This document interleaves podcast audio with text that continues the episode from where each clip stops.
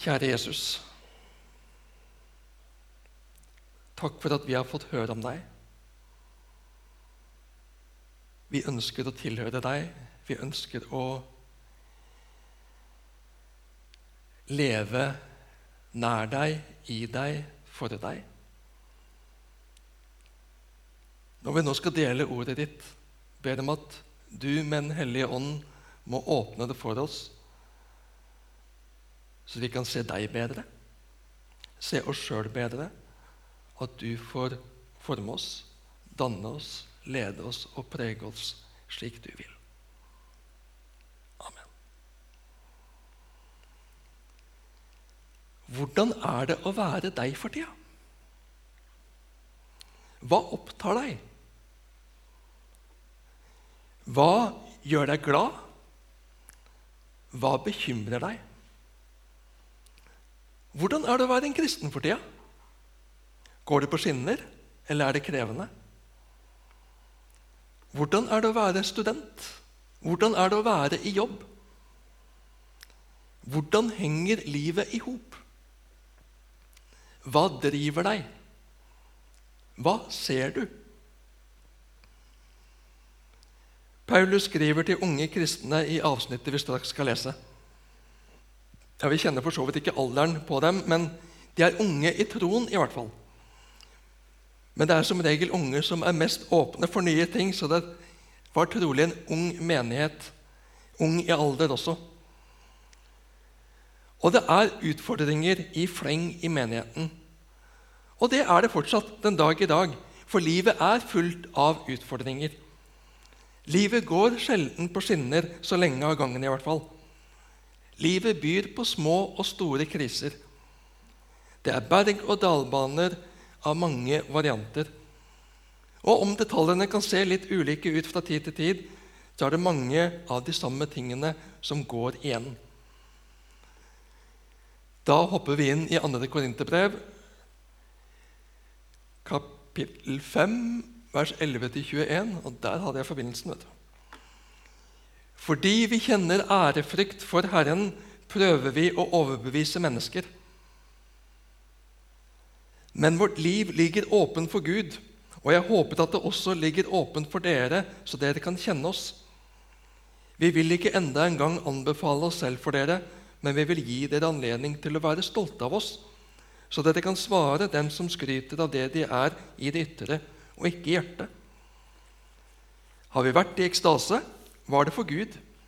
Er vi ved sans og samling, er det for dere. For Kristi kjærlighet tvinger oss. Vi vet at én er død for alle, derfor er de alle døde. Og han døde for alle, for at de som lever, ikke lenger skal leve for seg selv, men for ham som døde og sto opp for dem. Så kjenner vi ikke lenger noen bare på menneskelig vis. Og har vi før kjent Kristus på menneskelig vis, så kjenner vi ham ikke lenger slik. Nei, den som er i Kristus, er en ny skapning. Det gamle er borte. Se, det nye er blitt til men alt er av Gud, Han som ved Kristus forsonte oss med seg selv og ga oss forsoningens tjeneste. For det var Gud som i Kristus forsonte verden med seg selv, slik at han ikke tilregner dem deres misgjerninger. Og han betrodde budskapet om forsoningen til oss. Så er vi da utsendinger for Kristus, og det er Gud selv som formaner gjennom oss. Vi ber dere på Kristi vegne La dere forsone med Gud. Han som ikke visste av synd, har han gjort til synd for oss, for at vi i ham skulle få Guds rettferdighet. Slik lyder Herrens ord.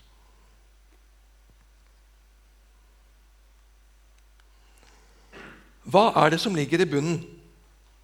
Fordi vi kjenner ærefrykt for Herren, prøver vi å overbevise mennesker. Paulus har møtt Jesus Paulus var en fiende av Jesus, men Jesus møtte ham, og det førte til en radikal forandring i livet til Paulus. Ikke at han bytta personlighet, så de ikke kjente ham igjen, men livsinnstillingen ble en annen. Han fikk noe nytt å leve for. Han fikk se at Jesus var virkelig. At Jesus hadde gått i døden for ham for å frelse ham ja, for å frelse alle mennesker. Paulus fikk se at Jesus var ikke den blasfemikeren han ble dømt for, som han ble korsfestet til døde for å være. Jesus var Gud. Jesus er Gud. Jesus er Messias, frelseren som er lovet gjennom profetene. Jesus var den han sa han var. Jesus er den han sier han er. Det er som Paulus sier, 'Han som jeg har forfulgt', og ryktene og ryktesprederne jeg ville utslette, er ikke rykter og ryktespredere, men sannhet og sannhetsbærere. Det er sant, det disse slitsomt frimodige fiskerne snakker om overalt. Jesus døde til soning for mine synder etter Skriftene, og han ble oppreist av Gud fra de døde etter Skriftene. Alt sammen i kjærlighet til meg, for å frelse meg. Å møte en slik kjærlighet, det gjør noe med en. Det vekker en dyp respekt, en ærefrykt for Herren, ikke en redsel. Ikke en frykt, men ærefrykt. En frykt for å bryte med Gud, med Guds ære. En frykt for å ikke leve opp til Guds ære. Ikke som noe jeg må, ikke som noe jeg bør, men som noe jeg i dyp respekt og takknemlighet ønsker. Jeg ønsker å leve nær og i tråd med Guds vilje, med Herrens vilje.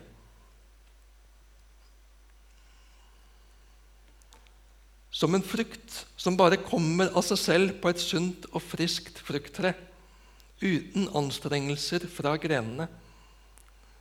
Som en naturlig konsekvens av å se hvem Jesus er, og hva han har gjort for oss, er ønsket om å overbevise andre om hvem Jesus er, og hva han betyr for dem også. De må få se det. De må skjønne at Jesus er viktig. At Jesus er bra, at Jesus er den viktigste å holde seg inne med. Og hvordan formidler man det? Det holder ikke med masse ord. Det holder ikke med god argumentasjon og overbevisende tale, selv om det kan rydde bort noen hangups for folk. Men akkurat som vårt liv ligger åpent for Gud, at Gud ser oss og kjenner oss, han vet hvordan vi er, han ser hva vi gjør, han leser hva vi skriver, han ser hva vi deler, hvordan vi er både når vi er alene, og når vi er med andre. Sånn er det i stor grad med folka rundt oss også. De leser oss. De ser oss, de observerer og hører oss, om ikke så ofte med kikkert. da. Tankene leser ikke, men de hører hva som pipler ut, hva som opptar oss, og hva vi bruker tida og pengene våre på. Og Da blir spørsmålet Henger det i hop? Er vi hele, eller lever vi fragmenterte liv? Sier vi én ting, men gjør noe annet? En stil i Misjonshuset og en annen stil på jobb eller studie. Er det et tiltrekkende liv, eller et liv som spriker? Et liv som ikke henger i hop? Vi kan jo argumentere og forsvare oss. Du skjønner, jeg må jo være som de andre gutta for å få innpass. Slå an samme sjargongen. Det nytter ikke å være for prektig. En må ha samme språk og vittighetene for å henge med. Eller andre veien Jeg er bare meg sjøl, jeg. Jeg sier det jeg mener, og det må de tåle. Men hvordan hadde det vært for dem om de hørte det du sa, de du snakket om? Hadde de opplevd Jesu kjærlighet og sinnelag gjennom deg? Nå anvendte jeg bibelordet direkte på menigheten i forholdet til samfunnet rundt. Paulus begynner på sitt og de andre ledernes forhold til menigheten. Vårt liv ligger åpent. Og jeg må spørre meg selv, og jeg må spørre dere Mitt liv ligger åpent for dere. Hva ser dere? Hvordan leser dere meg? Jeg ønsker å leve åpent for Gud, åpent for mennesker, Men vi kan lett få blindsoner, så vi ikke ser alt som de rundt oss ser i oss. Jeg må be Gud og menighet om å veilede og irettesette meg i kjærlighet om livet mitt er fragmentert og ikke helt. Vi er fortsatt syndere. Så helt betyr ikke perfekt, men fragmentert betyr løsrevne biter og bestanddeler som ikke går i hop. Er det ting i mitt liv som ikke er forenlig med troen på Jesus, som jeg bekjenner meg til? Og Der er smågrupper, bibelgrupper, medvandring kan være gode fellesskap hvor vi kan komme spesielt nær hverandre og ansvarliggjøre hverandre. Hjelpe hverandre på kjærlig måte og avsløre blindsoner, slik at livene våre peker i én retning, ikke i mange forskjellige retninger. Bønnemøtene for unge menn, Kristiansand-krigerne som de også kalles, som møtes søndagskveldene, er også en sammenheng som ønsker å ha fokus på nettopp ansvarliggjøring.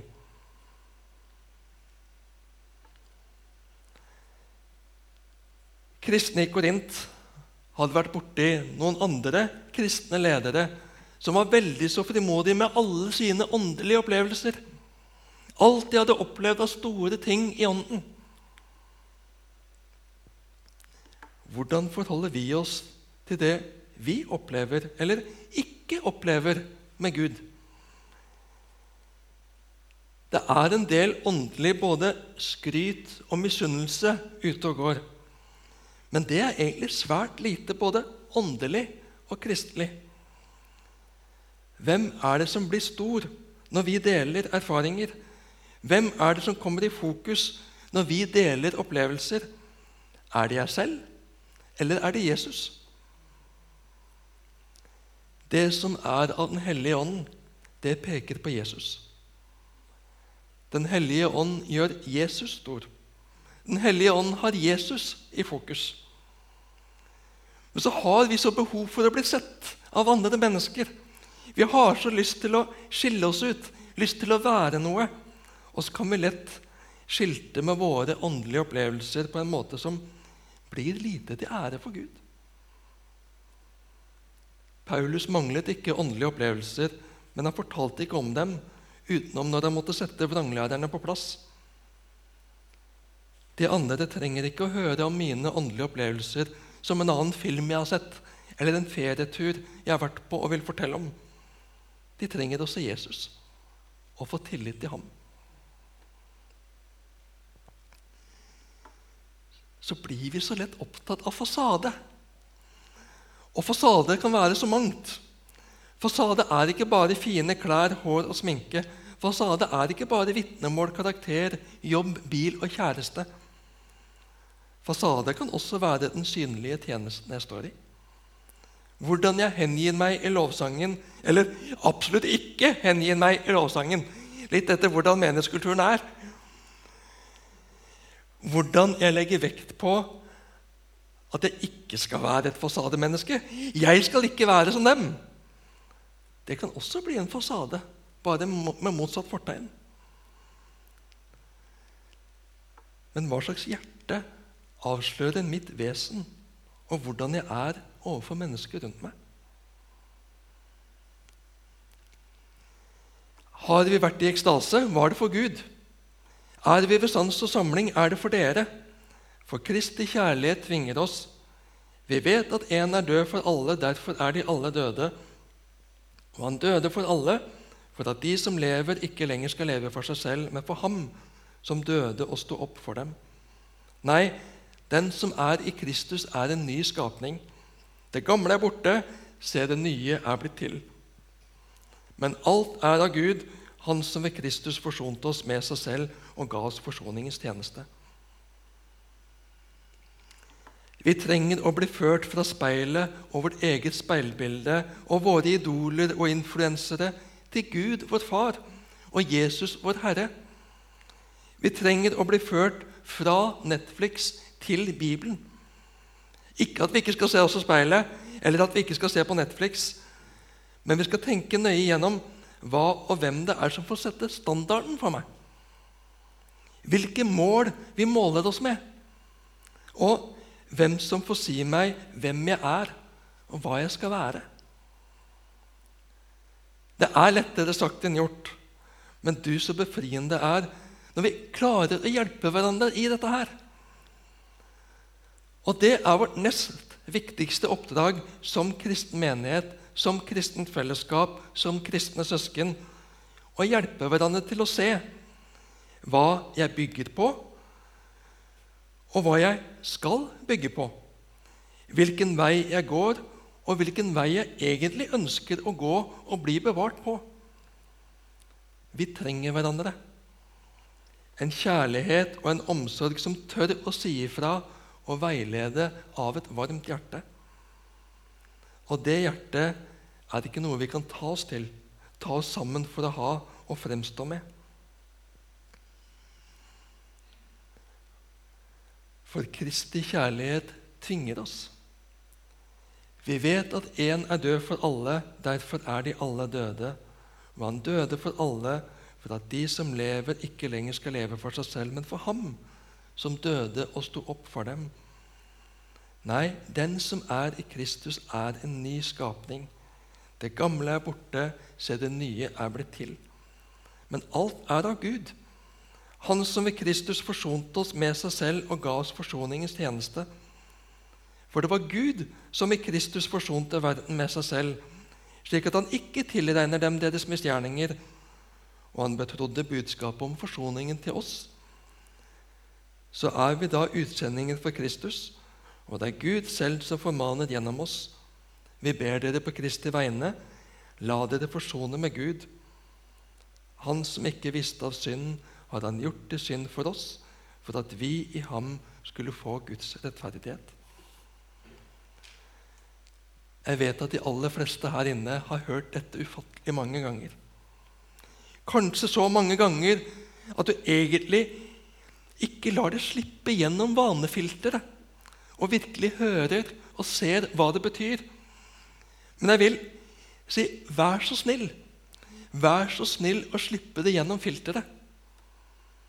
Hva betyr det? Hva betyr Jesu død og oppstandelse for deg helt praktisk? stille deg sjøl det spørsmålet. Hvilken betydning har Jesu død oppstandelse for ditt selvbilde og din livsinnstilling?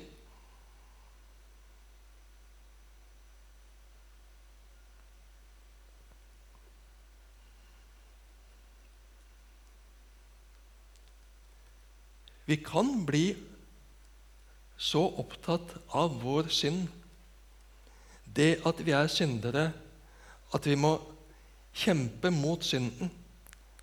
At vi blir noen mørkemenn og noen mørkedamer som er veldig tynget og alvorlige på en slik måte at gleden over at hva vi har fått i og av Jesus, får marginal plass. Vi er så opptatt foran det åndelige speilet med å se på alle feil i vår syndige skrøpelighet at vi får nesten ikke tid til å se på Jesus.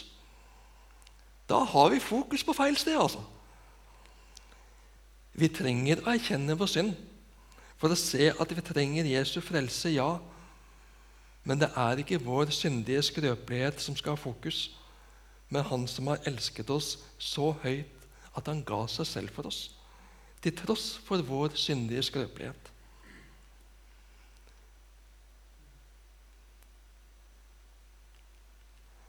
Han som ikke visste av synd, har han gjort til synd for oss, for at vi i ham skulle få Guds rettferdighet. Guds sønn tok det alt sammen på seg for at vi skal være fri. Ren og rettferdig, himmelen verdig. Det vitner om kjærlighet. Tenk at jeg er elska så høyt. Tenk at du er elska så høyt.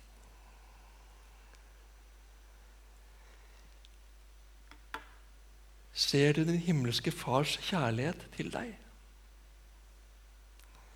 Ikke bare at han i overbærenhet har tatt seg av synda di og akseptert deg som himmelborger, men at han elsker deg.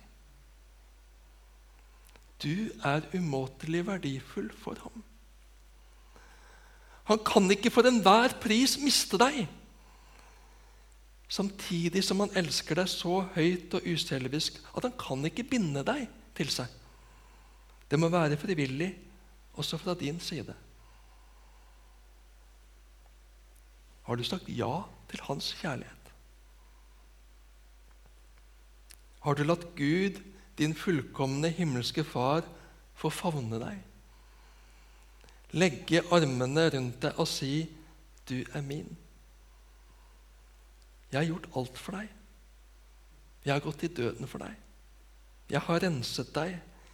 Jeg vil ta meg av deg hver eneste dag i evighet. Dine sår og din smerte, dine skuffelser og dine nederlag, kom til meg med det alt sammen. Du er min. Jeg vil hele deg. Jeg vil lege deg. Jeg vil ta meg av deg. Jesus bruker selv dette bildet i Lukas 15 for å prøve å beskrive Guds innstilling til deg, Guds kjærlighet til deg.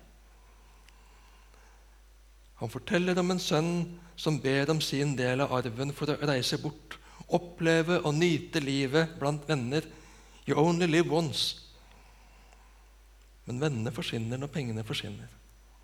Og det som var så fantastisk, er ikke lenger så fantastisk. Tvert imot etterlater det sår og skam og fornedrelse. Og det er i skammen og fornedrelsen sønnen kommer til seg selv og begynner å tenke på far. Og hvordan i all verden han kan komme tilbake til far nå. Han som har tatt ut arven som om far var død, og brukt den opp. Han har ingen rett, men han har det så vondt. Men det sønnen ikke har sett, ikke før han har kommet et godt stykke på hjemvei, det er far som hver bidige dag har gått ut og sett etter ham. Lengtet etter sønnen sin, som jo visst har såret ham og gjort ham vondt. Men det forandrer ikke kjærligheten far har til ham. Han er hans kjære sønn, hans kjære barn. Far speider og leter etter sønnen som forlot ham. Det er ikke noe mer han ønsker enn å få sønnen hjem. Far har allerede gitt alt for sønnen. Og tingene har sønnen tatt. Alle godene, det materielle. Men lykken og gleden er ikke i det. Men vil sønnen erkjenne det og vende tilbake til far? Far går ut dag ut og dag inn, speider, lengter i smerte. Kjærligheten som ikke kunne binde sønnen hjemme, men heller ikke kan gi opp håpet og brannen om at han en dag skal vende tilbake. Og når sønnen en dag vender hjem, nedtrykt og nedbrutt og full av sår, ikke minst indre sår og skam, så kan ikke far annet enn å springe ham i møte. Og Jesus beskriver en far som bryter alle kulturelle regler for passelig og verdig opptreden for en gammel far. Det betyr ingenting. Kjærligheten driver ham. Og det som betyr noe, er at sønnen min kommer hjem igjen. At sønnen min kommer tilbake til der han hører hjemme. Så høyt elsker Gud deg. Ser du det? Har du tatt imot det? Har du latt det sige inn og fylle alle deler av livet ditt? Har du latt fars kjærlighet få prege selvbildet ditt? Hvordan du ser på deg selv og livet du lever? Når fars kjærlighet får nå fram til meg og inn i meg og fyller meg, da tvinger den meg i positiv forstand til å leve det nye livet i Hans vilje, i all min skrøpelighet.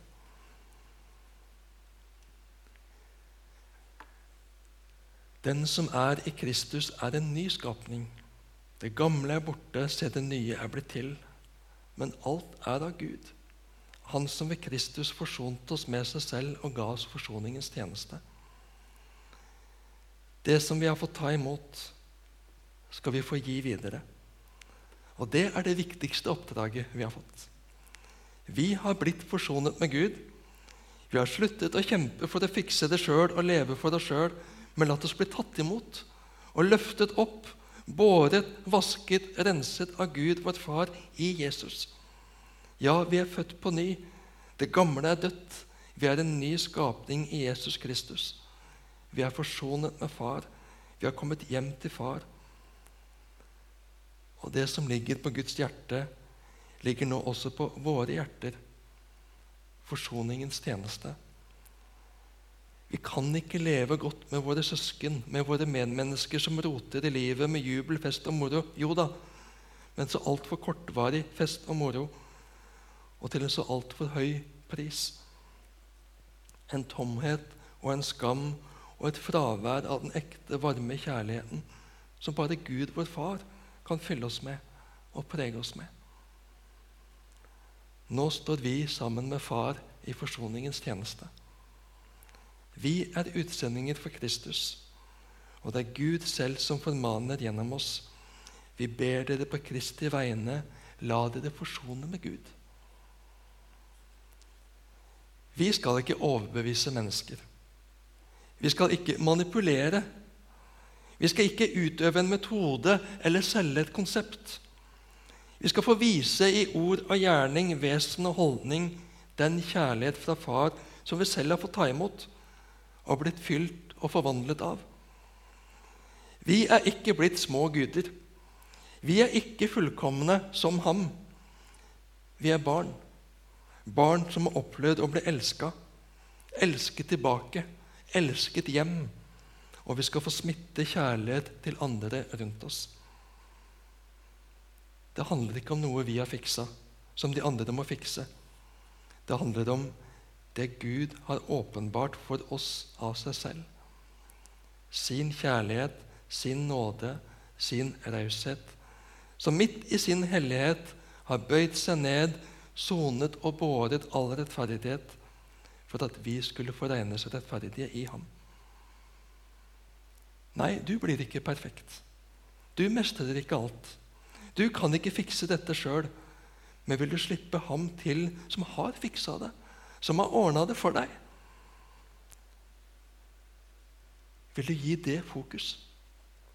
Gi det Jesus har gjort for deg, fokus, og la gleden over det og friheten i det fylle deg? Ordene våre når ikke inn om livene våre taler et annet språk eller peker i en annen retning. Vi vinner ikke hjerter med glitter og glamour, rikdom og popularitet. Det er hva verden tilbyr og lokker med. Vi vinner hjerter som åpner seg for forsoning, oppgjør og ny kurs gjennom åpne, levde, sårbare liv som har blitt myke, varme og trygge fordi vi selv har blitt forsonet med og vunnet til en far som elsker oss langt utover det vi kan fatte og forstå.